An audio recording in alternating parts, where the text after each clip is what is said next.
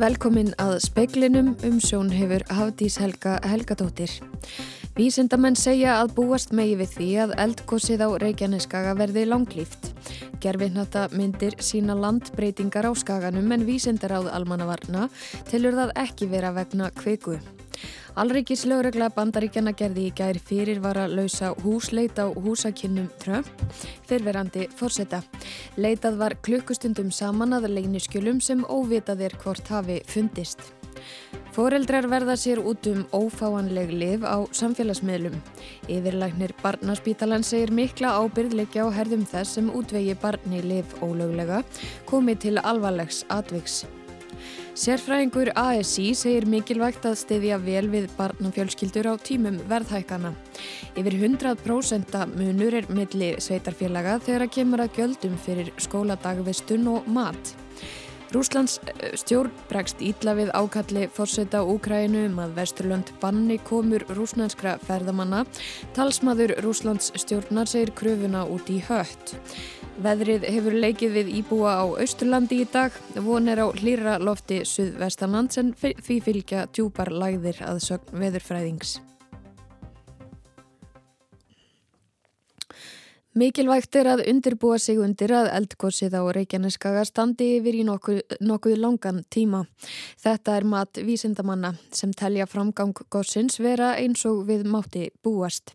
Á gerfi natamyndum sem sína landbreytingar á Reykjaneskaga frá lok júli má sjá merki um aflugun skamt norðaustur af Grindavík. Aflugunin er við upptök jæðskjálta 5,5 að starf sem var 31. júli. Á fundi vísindaráðs almannavarna í morgun var farið yfir gögn sem og, og eru yngar vísbendingar um að kvika sé á ferðinni heldur líklegast að breytingar á yfirborði megir ekki til skjáltans. Kristín Jónsdóttir er hópstjóri náttúruvar á Veðurstofu Íslands.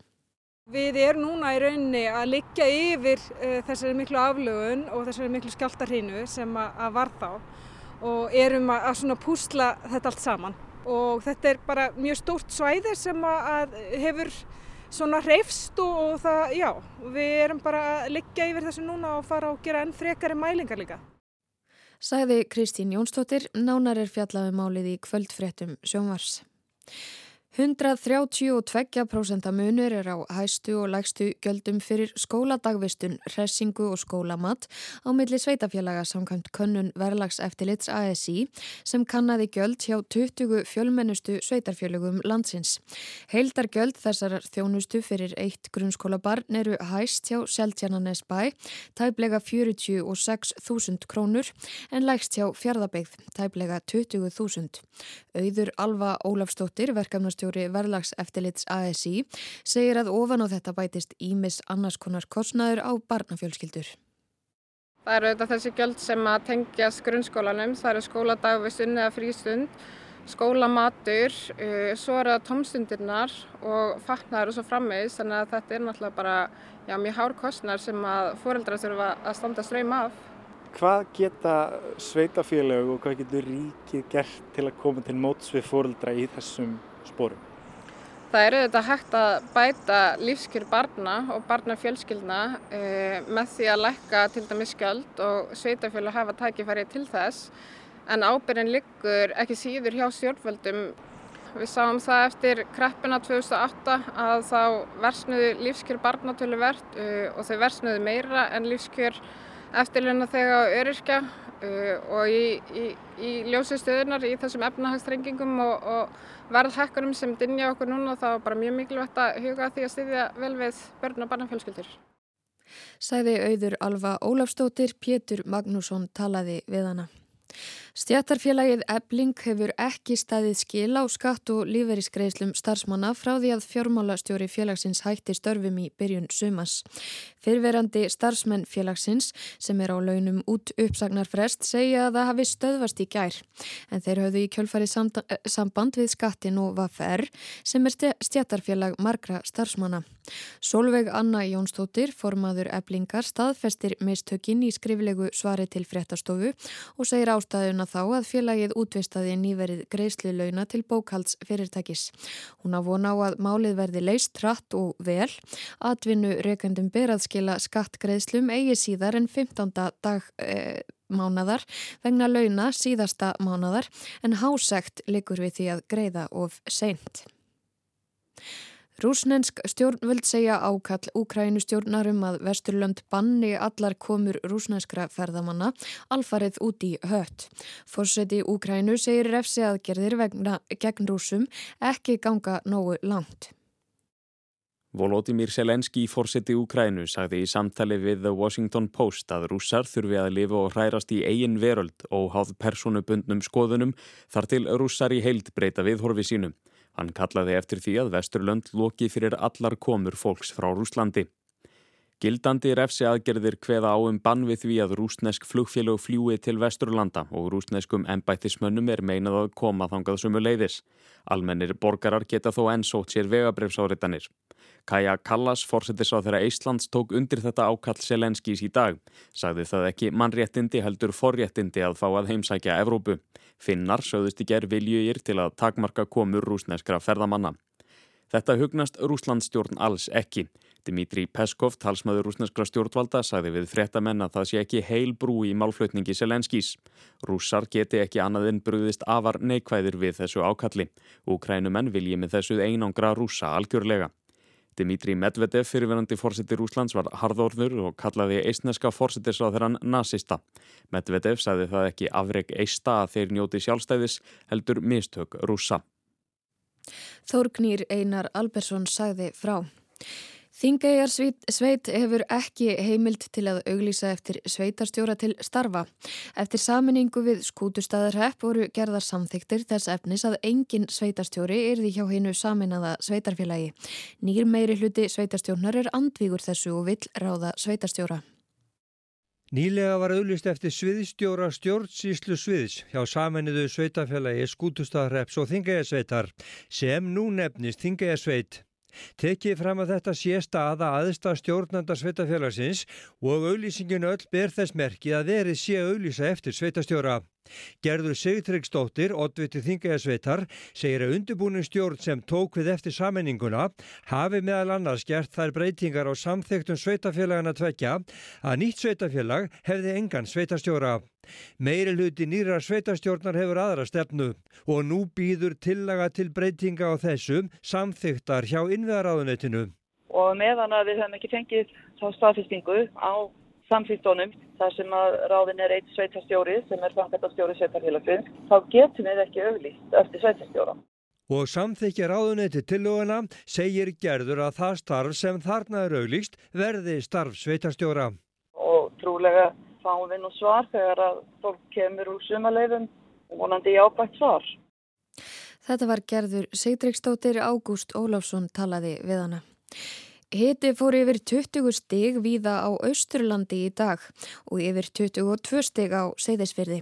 Þorstein Vaff Jónsson, veðurfræðingur, segir að þrátt fyrir að fínt sumarveður sé fyrir austan og verði líklega út vikuna, þá gerir langtíma spáin ekki ráð fyrir að blíðviðri nái til Suðvesturhóns landsins. Reyndar er von á hlýra lofti eftir helgina en því fylgir því miður djúpar lægðir og kvassviðri og regning, þannig að það er ekki víst að það verði neitt svona mjög kræsilegt veðri þó að eh, verði talsveld hlýra. Er, er þetta sumar eitthvað óvinnulegt eða er þetta bara svona eins og getur gerst hvernig sem er? Svona hvernig veður hefur skipst og verið? Nei, þetta er ekkit óvanalegt hérna svo leiðis. Mamma nú eftir verri sumrum hérna svo vestanlands og þá einhver svona rigningasumrum en það, þetta er ekki verið neitt rigningasuma beint sko þó það hefur vant að sólina. En við höfum verið svolítið svölu lofti hérna yfir landinu um, allt sumarið. Og svo hafa lagðir, lagðirna komið svolítið títt hérna til okkar. Sem sumurinn er bara þannig sko. Sæði Þorstein Vaff Jónsson Haugur Hólm talaði við hann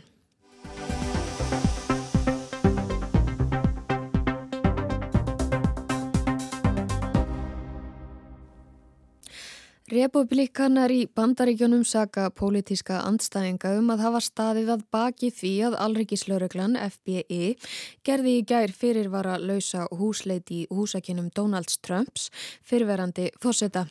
Leitað var klukkustundum saman að leyniskjölum sem talið er að hann hafi flutt með sér úr kvítahúsinu í óleifi. Tvennum sögum fyrir af því hver mikið leinithjónustumenninir höfðu upp úr krafsinu. Alrikis lögurlumennurnir byrtust óvænt um tíuleitið í gerðmorgun á Mar-a-Lago, setri Trumps í Palm Beach í Flórida og höfðu með sér heimild til húsrannsóknar.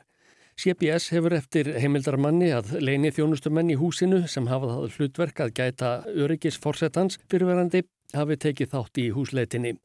Sjálfur var Donald Trump í New York.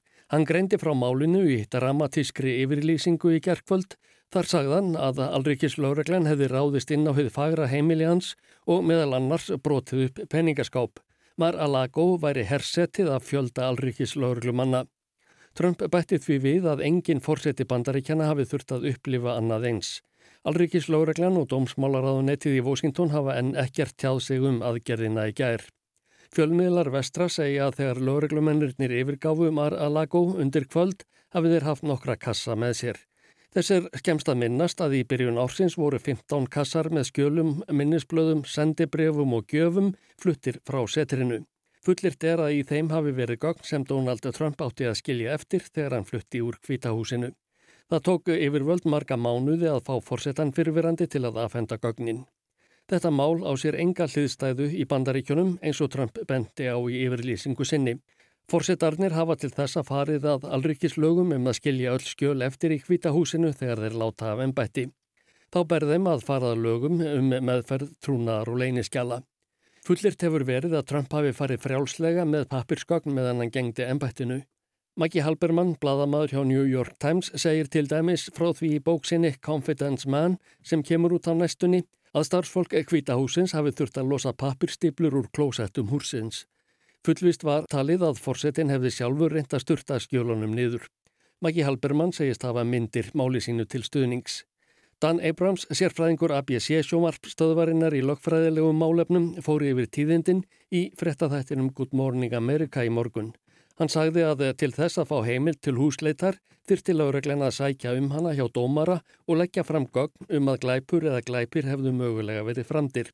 Til að sanna það þyrti að afla sönnunar gagna í tilteknu húsi í þessu tilviki aðsetri fyrirverandi forsetta. Abrams var spurður að því hvort húsrannsóknin sneri virkilega aðeins að skjölum sem Donald Trump tók með sér úr kvítahúsinu. Hann taldi að eitthvað meira hliti að búa að baki þegar fjölmend lið Alrikis lögreglumanna væri sendt á heimili fyrirverandi bandaríkja forsetta. Yfirvöld hlýtu að vita eitthvað meira en gefið hefði verið upp til þessa. To send this kind of FBI team to the former president's home, there has to be something more than just a Presidential Records Act violation. They have to know something that we don't know about yet. Donald Trump hefur lengi haldið fram að Alrikislauraglann FBI sé handbendi pólitískra anstaðinga hans í demokratafloknum sem beiti ennbættinu til að ná sér niður á honum. Fleiri republikanar taka undir það, þar á meðal Seth Weathers, politískur stefnumótandi flokksins í Georgíuríki. Hann sagði við talið við Braskaríkis útvarfið BBC í dag að Alrikis láreglumennirnir væri ekkert annað en sapna af óþokkum. Hann var myndur á að Christopher Wray, forstjóri FBI, var skipaður í ennbættið í forsetta tíð Trumps og svaraði því til að það hefðu verið mistök. Kosið verður til þings í bandaríkjónum að þremur mánuðum liðnum. Kosningabaráttan er í algleimingi. Silja Bára Ómarsdóttir, professor í stjórnmálafræði, var að því spurði hátægisfréttum ríkisútvarpsins hvort hún teldi að þessar nýjustu vendingar í málum Donald Trumps ættu eftir að hafa áhrif á nýðurstöðuna. Republikanar hafa stokkið á þetta mjög satt og tekið undir með Trump að hér séu um pólitískar ástæður að ræða og pólitískar rannsókn þannig að það hefur verið að halda áfram með þennan málflutninga sem hefur verið í gangi. Já, þetta valda tíð Trump svo miklu leiti en síðan frá árasin í um að uh, kerfið sé að vinna gegn Trump og að það þurfi að, að bregðast við því þannig að þetta verður notað öruglega á báða búa til þess að reyna að virka kjósundur til að mæta og kjörstaf í, í þá þeirra sliðar sem að, að uh, þau stiðja. Þetta var Silja Ómarsdóttir, Ásgeir Tómasson tók saman.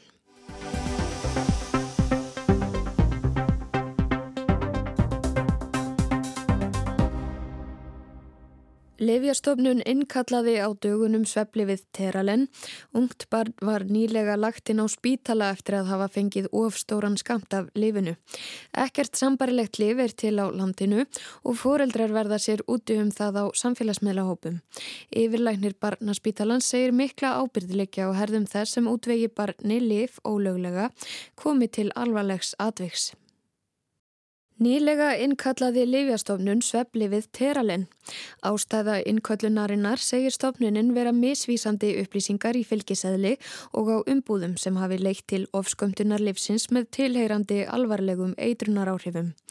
Livjastofnun hefur ekki aðeins tekið lifið úr umferð, heldur beður stofnunin einnig þá sem hafa fengið lifið afhend að skila því í næsta apotek. Ungt barn var nýlega lagt inn á spítala eftir að hafa fengið of stóran skamt af lifinu. Teralen er undan þáu liv sem engum er notað á börn. Það kemur í stað annars livs, Alema Masins, sem kom upphaflega í stað Valergans, sem hefur verið ófáanlegt um nokkurt skeið. Vilborg Haldóstóttir er livjafræðingur. Valergan sem var á markaði, það var í styrkleganum 5 mg á milliliter og það var verið að gefa skamtastarðunar upp í millilítrum.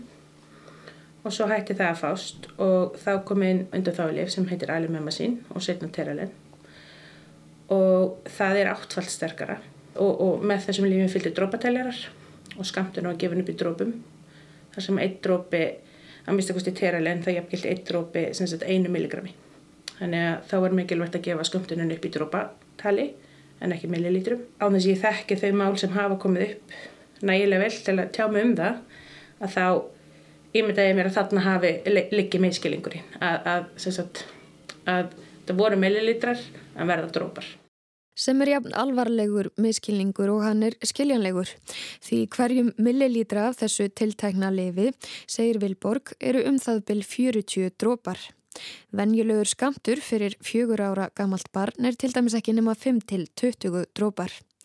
Livið er uppaflega ofnamislif en algengt er að það sé gefið börnum sem eiga við sveppvanda að stríða vegna slæfandi verkunar þess. Þrátt fyrir að livið teljist ekki ávanabindandi þarf ekki stóran skamtaði til að alvarleg eitrunar áhrif gerir vart við sig. Vilborg dregur fram lítið livjaklas með botnfylli af glærum vögva. Hún segir þann skamt duga til að valda eitrun hjá fjögur ára barni. 160 mg hefði valdið miðlunnseitrun hjá fjögur ára gamlu barni og það er skamturinn sem ég síndi sem er fjóri millilítrar. Og það er auðvitað mjög lítil, eh, það er mjög lítið rúmmál. Þannig að það er auðvitað aldrei einstaklisbundi hvernig eiturrenginni koma fram. En þetta er, þetta er ekki mikið magna vöku sem við erum að tala um sem að, sem að getur framkallað miðlungs til alvarlega reytarnir hjá lítlum börnum sem eru náttúrulega aðal notendur í þessu tilfellum. Livjastofnun taldi hættu á ofskömmtun of mikla eftir að alvarleg atvik komu upp. Nú er ekkert sambarilegt liv til á landinu sem ágefa ungum börnum. Engin hætta skapast af því að hætta nótkun livsins án niðurtröppunar. Þó verðast margir foreldrar eiga erfitt með að sætta sig við stöðuna. Sumir farað því sínar eigin leiðir og nú ganga þessi liv kaupum og sölum á hinnum ymsu foreldrahópum á Facebook. Livja útdeilingar á Facebook spretta að öllum líkindum upp af hjálpsemi í bland við sjálfsbjargar viðleini. En þetta getur verið stór hættulegt. Ragnar Grímur Bjarnason, yfirleiknir á Barnaspítala Ringsins, segir málið alvarlegt. Livjum er ávísað á einstakling og þau eru með skömmtu sem henda einstaklingi og eru þá gjarnan skamtastarri kannski miðar við stærð einstaklings og aldur en einnig þarf að taka uh, tiliti þess að börn geta verið á öðrun lifi það sem geta verið hættulegar milliverkanir á milli livja og uh, ég er nú ekki vissum að svo könnun fari fram á samfélagsmiðlum. Ástæða er fyrir því að Livjastofnun hefur beitt strángasta formi innkvöllunar vegna livsins. Hann segir að fólk þurfi að velta fyrir sér hvar ábyrðin liggi komi til alvarlegs atviks sem rekja megi til þess að fóreldrar hafi útvegað börnum sínum livsseilskild liv eftir ólöglegum leiðum. Sko, ég hef nú ekki talað við lögfræðinga en ég hef talað við kollega og liðafræðinga að ég held að maður megi spyrja sig að ábyrð þess sem að lætur frá sér liv sem er ætlaðurum og einni fóreldri sem er að gefa ólögráða barni liv sem er ekki ávísað á það og eins og ef eitthvað kemur upp á uh, ef að, að, allt fer á vestaveg barni fær allt og hafa skamt af uh, til dæmi söfliðum, hver ber ábyrðan á þá? Fólk hefur einmitt verið að ráðleggja líka varðandi skamtastærir og fleira. Er það hægt út frá því kannski sem að börn þeirra hafa fengið eða, eða hvað? Nei, yfirleitt eru, sko, það eru svona síklarlega skamtar eru kannski svolítið svona standard miða við milligrama kíló og stundum hækkaður ef, ef um alvarlega síkingar er að ræða. Hins vegar eru lifi eins og svefli og annað yfirleitt alltaf einstaklingsskömmtuð og maður byrjar á lægstu mögulegu skömmtum til að fá verkun ef að þannig að það getur verið að skamtu sem hendi einum sem er hugsanlega búin að mynda þól eða annað geti verið allt og hár fyrir næsta. Sveflefja nótkun barna hér á landi hefur aukist undan farin ár og Ragnar segir nótkunina miklu meiri hér á landi en gengur og gerist annar staðar á Norðurlöndunum. Nú þurfum við að skoða hvað veldur. Þannig að, að ég held að við þurfum verulega og foreldra líka að spyrja sig af hverju þarf ég svefli fyrir barnið mitt. Segir Ragnar Grímur Bjarnason yfirlæknir barnaspítalar Hingsins þar á undan var rætt við Vilborgu Haldóstóttur Livjafræðing.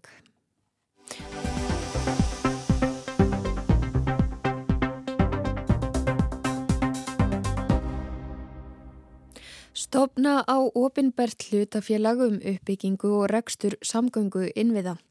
Abla og fjár til þess sem heita þjóðhagslega arðsamar flítiframkvæmdir með gjaldtöku, til dæmis í jarðgöngum og er þar allt undir. Sveitastjórnamenn bæði á vestur og austurlandi hafa sagt að gæta verði jafnbræðis milli landsmanna og gjaldtaka megi ekki bytna harðar á íbúum á landsbyðinni. Gjaldtaka og áhrif hennar á viðkvæm svæði eins og fyrir vestan eru Jóhannu Ösp Einarstóttur formanni fjörðungssambands vestfyrðinga áhyggjuefni. Sigurður Ingi Jóhansson innviða ráð þeirra segist skilja þær mótbárur en rekstur á göngum sér dýr og með þessu sé verið að færa gjaldheimtuna yfir í nótkunargjöld en á eftir að útfæra hvernig gjaldtöku yrði hátað. Það vil enginn hérna vera greiða eitthvað sem honum finnst hann ekki þurfa að greiða og hækka, hækkandi skatta eru festir tilbúinir að greiða. Sattbest segja þá er þetta nú þryggjar og samþygt alþingi sem við erum að vinna eftir. Það er að segja að taka upp gjaldtöku í öllum jargangum til samræmis, horfa svolítið til fyrirmyndar færeingana sem að hafa gert þetta með þessum hætti og byggja hver gangin og fætur öðrum.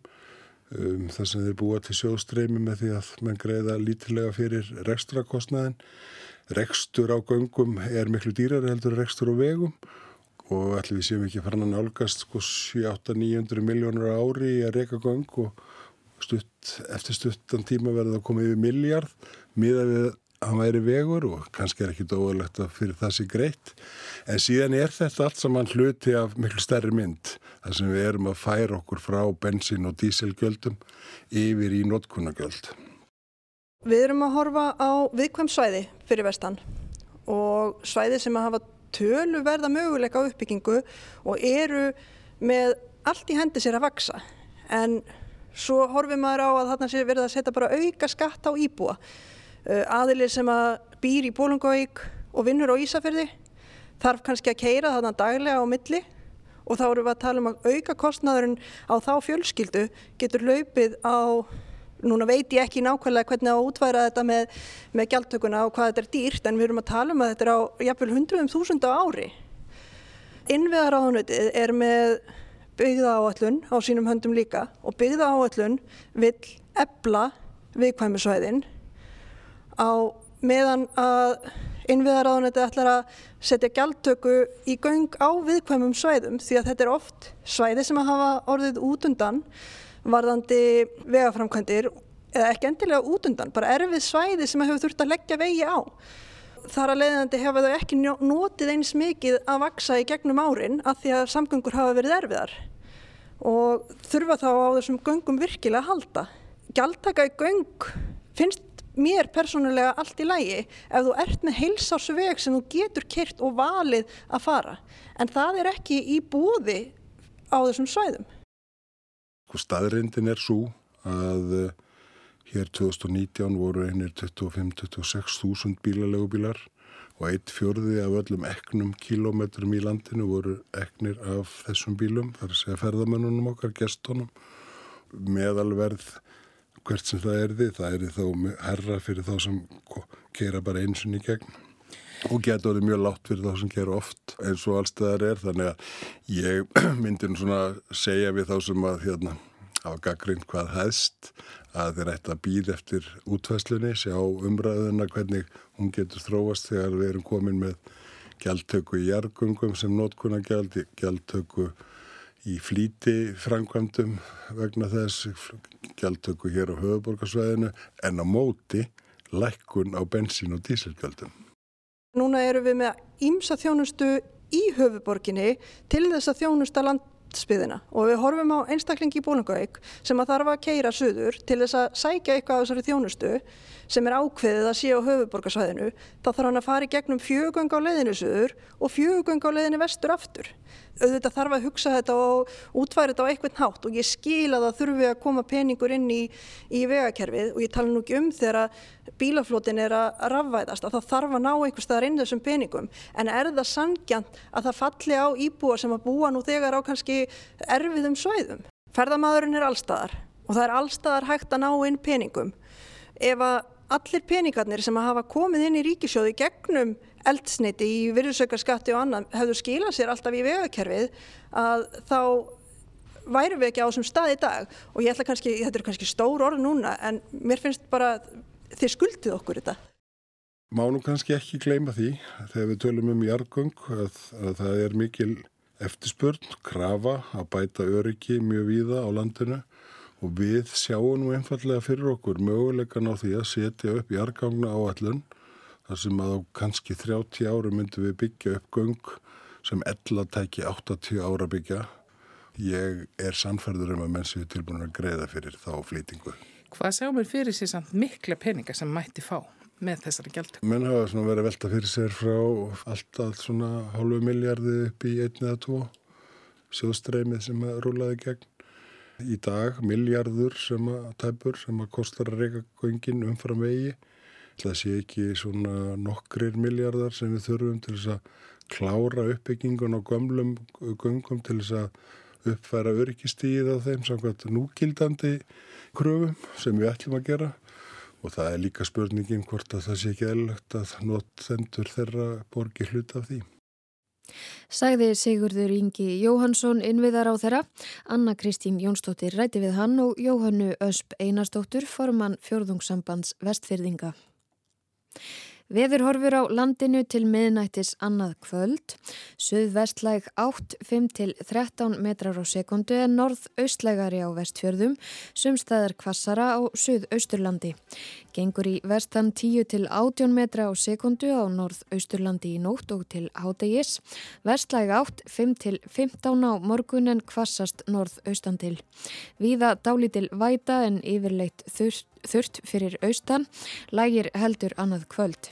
Hiti 9 til 18 stig hlýjast austan til. Fleira er ekki í speiklinum í kvöld, tæknimaður í útsendingu var Martin Martinsson, veriði sæl.